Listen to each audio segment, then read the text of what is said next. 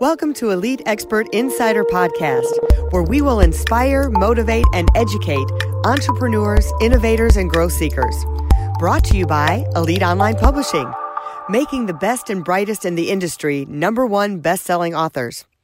80% of people say they want to write a book. We're assuming that's the same for you.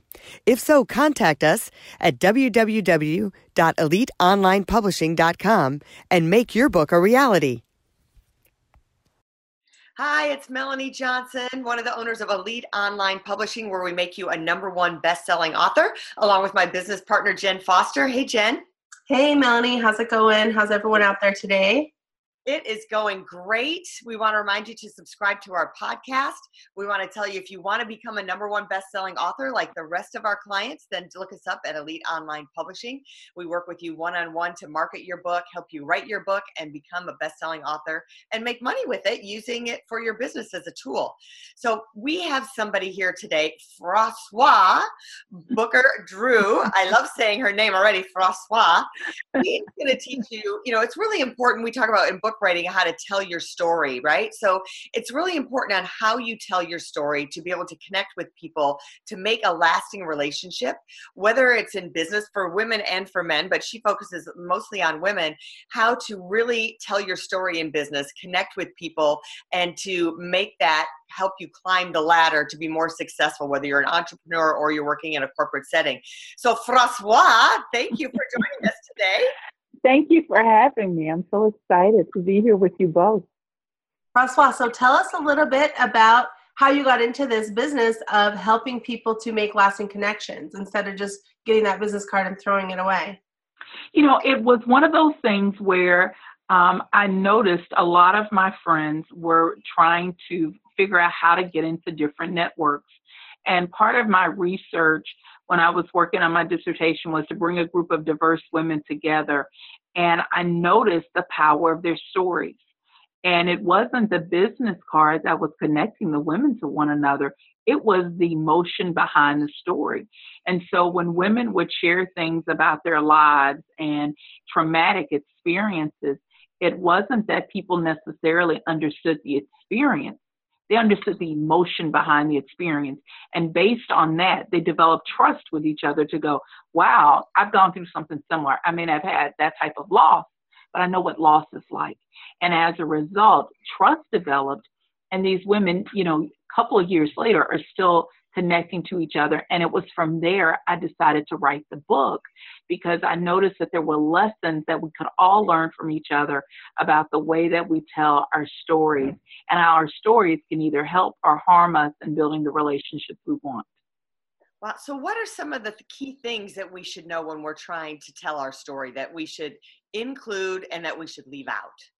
Well, the very personal. I remember um, being in an interview, and this uh, gentleman decides to tell very personal information, and he thought it was, you know, being authentic. What he didn't realize was that he basically scared people away from him because they hadn't established trust yet. And at the end of the session, we began to, you know, explain to him we understand that you want to be real with people, but until we've created these spaces, then it's going to be difficult to to begin to have relationship at that deep of a level in the beginning. So the first thing I always tell people is be careful about sharing so much personal information when you first meet someone.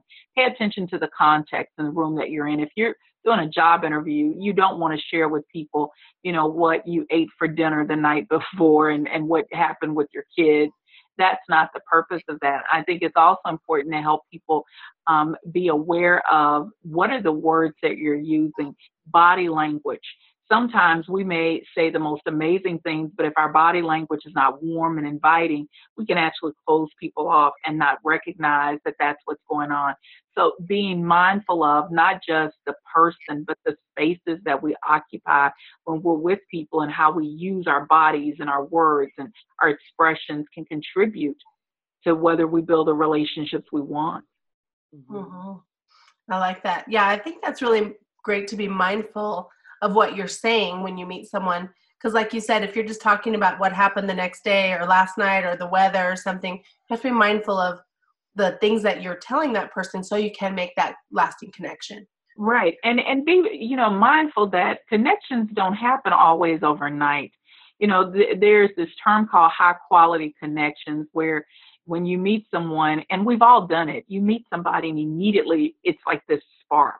Yeah. And it's like you've known them forever. Those don't always happen, and we can't expect that with everyone. We're going to have that kind of relationship. But I think it is thinking intentionally about how do we create the relationships that we want in our lives? How do we leverage the existing ones? And how do we make space for those high quality connections? Because let's be honest, we also meet people that after meeting them, you want an alcoholic beverage because they have drained so much out of you.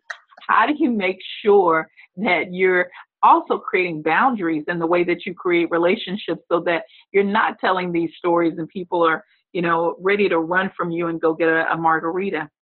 well, yeah, and there's sometimes I've met people, or even in relationships, that they talked about themselves so much like you're maybe someone in the workplace and you're like man dude i've heard this story like 20 times yeah. and when I start to say a sentence, I get cut off because it's about you again. Um, how do you deal with that on the other end? Like if you're trying to communicate, but they're doing all the communicating, or how do you set those boundaries of be, having too much intel and you need to get, you know, set your own so you can have your own voice? Do you have any tips on that? I think it's it's asking questions of people, you know, and and saying things, you know, when I, I have people who do that, I'm always trying to redirect the conversation. So I use questions and ask a lot of questions so that I can, you know, get them to think about what they're saying. I may do gentle reminders of, yeah, I remember when you told me that story. That was a great story I, without belittling them because what you don't want to gr- uh, create is shame and people feeling like they have to defend themselves. Mm-hmm. So I think one of the best things, you know, to do is always be mindful of the other person and making sure that, you know, when we are meeting people, one of the first things I love to do is ask people, tell me your story. Because that gives me an opportunity to figure out where the connections and where there's synergy. But again, nobody wants to know I was born in a little bitty home on the side of the road. You know, so again, keeping in mind that what's your, you know, really small 30 second elevator speech, what is it that you want when you first meet somebody that you want them to know about you? And trust, if it's a good elevator speech, they're coming back and they're going to ask more questions and want to spend more time with you. Yes, I love that. I think I've been been told once that your elevator speech should actually include a question. So at the end of your little pitch, you're asking them a question, but it relates to what you do. yes, you know, and you never want to walk into someone because I, I get offended by first thing someone asks me is, "What do you do?" Yeah. I'm more than w- what I do for a living, and I think when we're able to start seeing ourselves more than you know what we do, but seeing the totality of who we are, it changes the conversation as well. And for women, it's so interesting when I do these exercises. I'm amazed at how many women will talk about themselves in relationship to their spouses, to their kids, to their dogs. And it's like, that's great, but what else? And so I think in terms of building the relationships that we want, we have to really examine our narratives. How do we see ourselves in relationship to other people is going to really determine the kinds of people that walk into our lives. Yeah, and you know, I think um, so many people it, for business, you're like, "What's your elevator pitch for your business?" And I've never heard it say, "What's your elevator pitch for you personally?"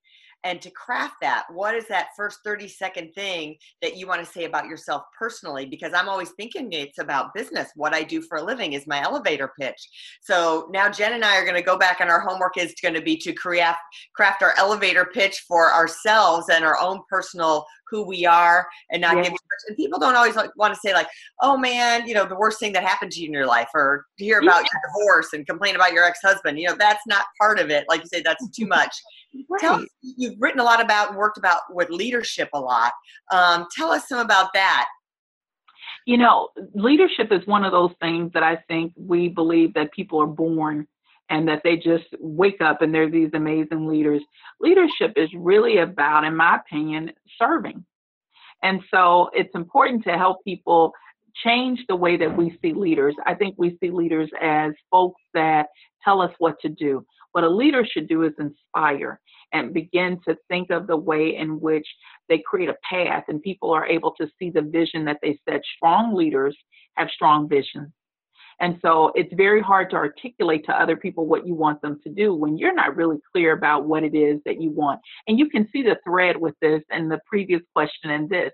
It really is about understanding your narrative. When you think about um, the folks who were over Enron and WorldCom, and this lady Amanda Sinclair wrote a book in which she talked about they recreated their childhood stories and they never dealt with those stories. And as a result, their leadership impacted so many people's lives and change the trajectory of how people were able to live because these were folks who did not deal with their hurt and their pain and they ended up injecting that on other people.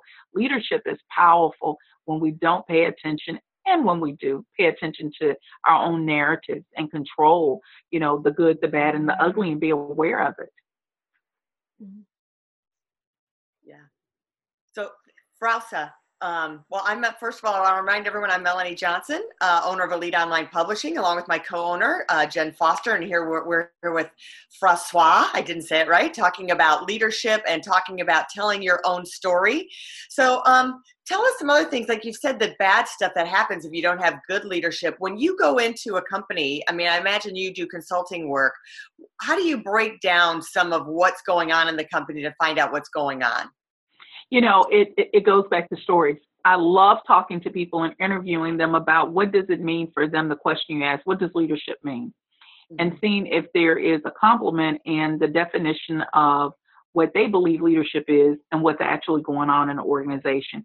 No one's going to come out and tell you immediately, my boss is awful. One, because, you know, we have to pay attention to power dynamics. I don't want to say anything that's going to put me in a position of losing my job, and I don't trust you because I don't know you well enough to know that you're going to go back and tell my boss. So using storytelling is a great way to help companies think about what's the narrative that we tell about the work that we do in this place. So helping them to think about what does leadership mean, but also the definition of followership. I think we spend so much time as a society thinking about who are leaders that we don't really cultivate great followers and help people think about who are the folks that we want to to serve? Who are the people that we want to go, you know, behind and work with? Because let's be honest, just because you have a title doesn't necessarily mean that I respect you as a leader. It just means you sign my paycheck and I'm going to do what I need to do to get my check. How do we change that paradigm and begin to help people understand the power of a leader and being able to craft, again, an amazing vision and that people want to follow you? They want to be a part of your leadership. Mm-hmm. That's really good. I think that kind of ties back to that lasting relationships and telling stories. You know, yeah. people like following leaders that they know their background and their story, and people that have that character that you you you're attracted to. Yeah. And you don't have to be this amazingly charismatic person. There are people who've been extremely successful leaders who have not necessarily been the life of the party. But what they do understand is the power of connecting to others. One of the things that I've always done with my staff is ask them, What do you need from me? And I mean that whether it's personal or professional. Now, no, I can't write you a check for a million dollars, but I can talk to you about how we can help figure out that situation that you need. You want to create spaces where people can be safe and that they feel like you are interested in who they are as a person and not just what they do at the job. Yeah, and you know, the result of that, you made a really good point of how do you be a good follower? So you may not be the leader in the company, you may be a follower, like you're the employee. So it's like what connects with you that you can be the best you can be in that position. Yes you know so doing the best job and it's asking the leader also what do you need? So they're clear. So if the leader's not being clear or being the leader that you feel like you need then you can ask them what do you need from me to clarify that? Yeah. so that way you can be a great follower. And i think so much has been written on leadership. There you go Froswa you need to write a book on be, how to be a great follower yeah, and there's some people that are doing some of that in that space. You you're giving me ideas, but you're absolutely right. You know, and then we we also need to think about what happens when you're thrown into leadership. You know, sometimes we don't, you know, wake up in the morning and go, I, I'm going to do. You know, I see a lot of people even in relationships where divorce happens and you have to step up in a way and leading your family in a very different paradigm. How do we help people deal with you know for me it's a, I call it um, reluctant leadership. What happens when you don't want to do it but you're thrust into a situation? And how do we help people in those moments of chaos and confusion to be able to lead effectively and not feel resentful, you know, so that other people don't suffer. And all of us have had those situations where we've been called into taking responsibility when we were thinking, I didn't sign up for this. So why why are we doing this again? Mm-hmm. I think that that's a level of leadership that we really don't spend a lot of time talking about you know, it took a while for me to have the light bulbs go off. So when I first got divorced and was a single mom, I was doing a business that was just me. I was the only employee, so I wasn't uh, leading anybody, so to speak. So, and I always anything on leadership, the articles that would come out, oh, I don't need that, delete, delete, because you know I'm not doing that. And all of a sudden, the light bulb went off in my head. I am the leader of my family. I am the leader of these two sons that I have. So then I started to massively consume things on leadership that I'm I didn't realize that you're steering the ship. You know, you might be doing stuff, but it didn't dawn on me that I'm the captain, right? Um, that really that seriously. So for single moms or single dads, you really need to, um, and even even the parents together, you're the leaders of the family. Whether you're leading together or you're leading on your own, you need to take the bull by the horns and really know that you are in charge of that family. That yes. a moment. And and I think we think it's always about titles Mm-hmm. It's not in our homes, in our communities. We're all in some way assuming some level of leadership. And so, how do we not expect somebody on this white horse to come in and go, I've got the answers, I'm going to save you? So often the answers are within us, and we have the power to create the change we want to see. And leading yourself, right? So, yes. I'm telling That's hard.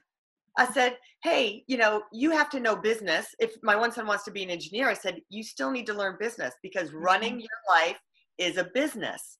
So then it comes back to, like you say, you're leading yourself. You're leading yourself to make sure you're accountable to do well in school, to be accountable to do well at your job, to take care of your body. So really, the start the first step is how do you lead yourself before you can even lead anybody else. Yes, and you know, one of the things that you said that's so important is it's about reflection. You can't really think about what you're doing wrong if you don't create the space to sit down and think about it. Mm-hmm. And I think as as leaders, again in our homes or in our communities, you have to create these spaces to reflect and sit down and process your your day and go, okay, so why didn't that work well? And I think we are so busy on phones and with technology that we do not have spaces to be quiet and just think about what we're doing because when you do that, then you're able to course correct mm-hmm. and make the changes that you want. But for many of us, we don't have time to even do what's best for ourselves because we've got all these different distractions and we're not being intentional to say, step back. How can I change the situation? What did I do well? And celebrating the small wins and the successes. We're always celebrating the big accomplishments, but there are these milestones that happen for all of us that we have to sit back and go, I did that that was great. But if you don't take the time to be still, as a lady told me years ago, being in captivity to activity, mm-hmm. that's problematic. Mm-hmm.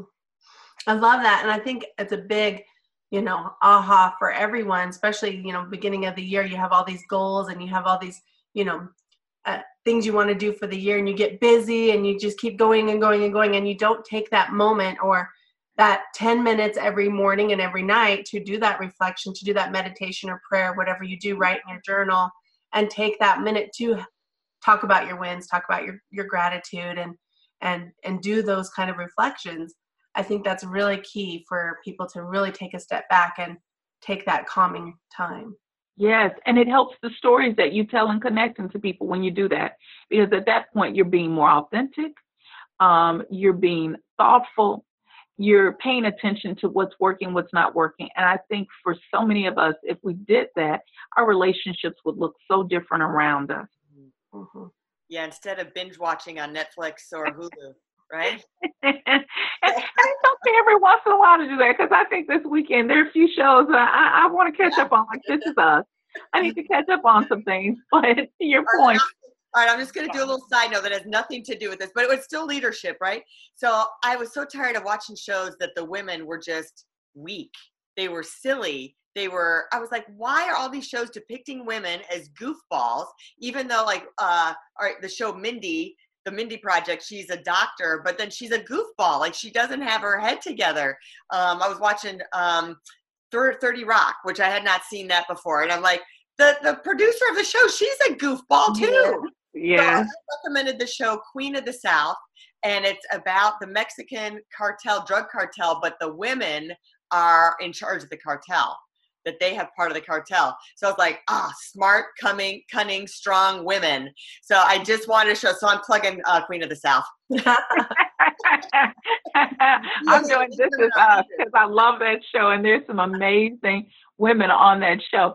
But you bring up a good point. Media images are important. What are we feeding ourselves to?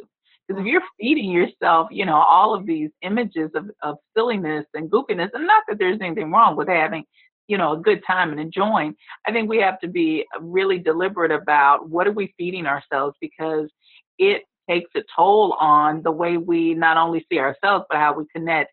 I've got this app that i've been using that is so wild and i can't remember the name of it because i have so many of these little funny apps but this one does what's called brain priming and so when you pick up your phone it flashes all these happy images and it's of dogs and kids and and it's weird because I'll be in a meeting, I pick up my phone and I see that and I'm like, what? And it but it's to remind me and subconsciously about being happy it's so hard in the world that we're in and the stuff that we're seeing and we're programmed to look at that you really have to think about what are you feeding yourself? Because again it has such an impact on you and the people that are around you because you could really be a very negative depressed person now and a lot of people are struggling with that and i think we are going to as leaders have to begin to start calling out the good things that we see and, and allowing that to you know override all of this negativity Yes, I think that's. Thanks that's for being great. on today. Yeah, tell us a little bit. Uh, where can someone find you? Where's it, what? Where can they go on your website to find you? You know, the website is Froswa's Rules, F R O S W A um, S rules, R U L E S dot com. You can find me on LinkedIn. I answer email. I am one of those folks who try to make myself available because I want people to be blessed by um, the wisdom and the experiences that I've gone through. And some of it has not been the best decisions or easy, but I want to be able to help folks while we're on this journey called life to do it better together. So it's easy to find me with that unusual name you can find me very easy. we'll put that link up at the bottom so people can go and check that out. And again, it's froswarules.com. Yes. Well, thanks for joining us today. Remember to subscribe to our podcast. We'd love to hear from you and share it with your friends because we always bring you something fun, interesting, and makes your life better. If you're looking to publish a book, remember Jen and I own Elite Online Publishing and we would love to work with you. Just check us out at our website, eliteonlinepublishing.com. You can go to the contact form and fill out a survey form there, and we will get in touch with you and check out our website. So, as always, have a great day, and we look forward to seeing you next time. Remember to subscribe. Bye. If you'd like to create the most powerful advertising tool for your business, contact us at eliteonlinepublishing.com, where we will help you create, publish, and make your book a number one bestseller and show you how to get new leads and more revenue for your business. If you'd like to check us out on our Facebook page, we have a free book for you as our gift. Just go and click free book. Remember to subscribe and leave a comment for our podcast. We would love to hear from you.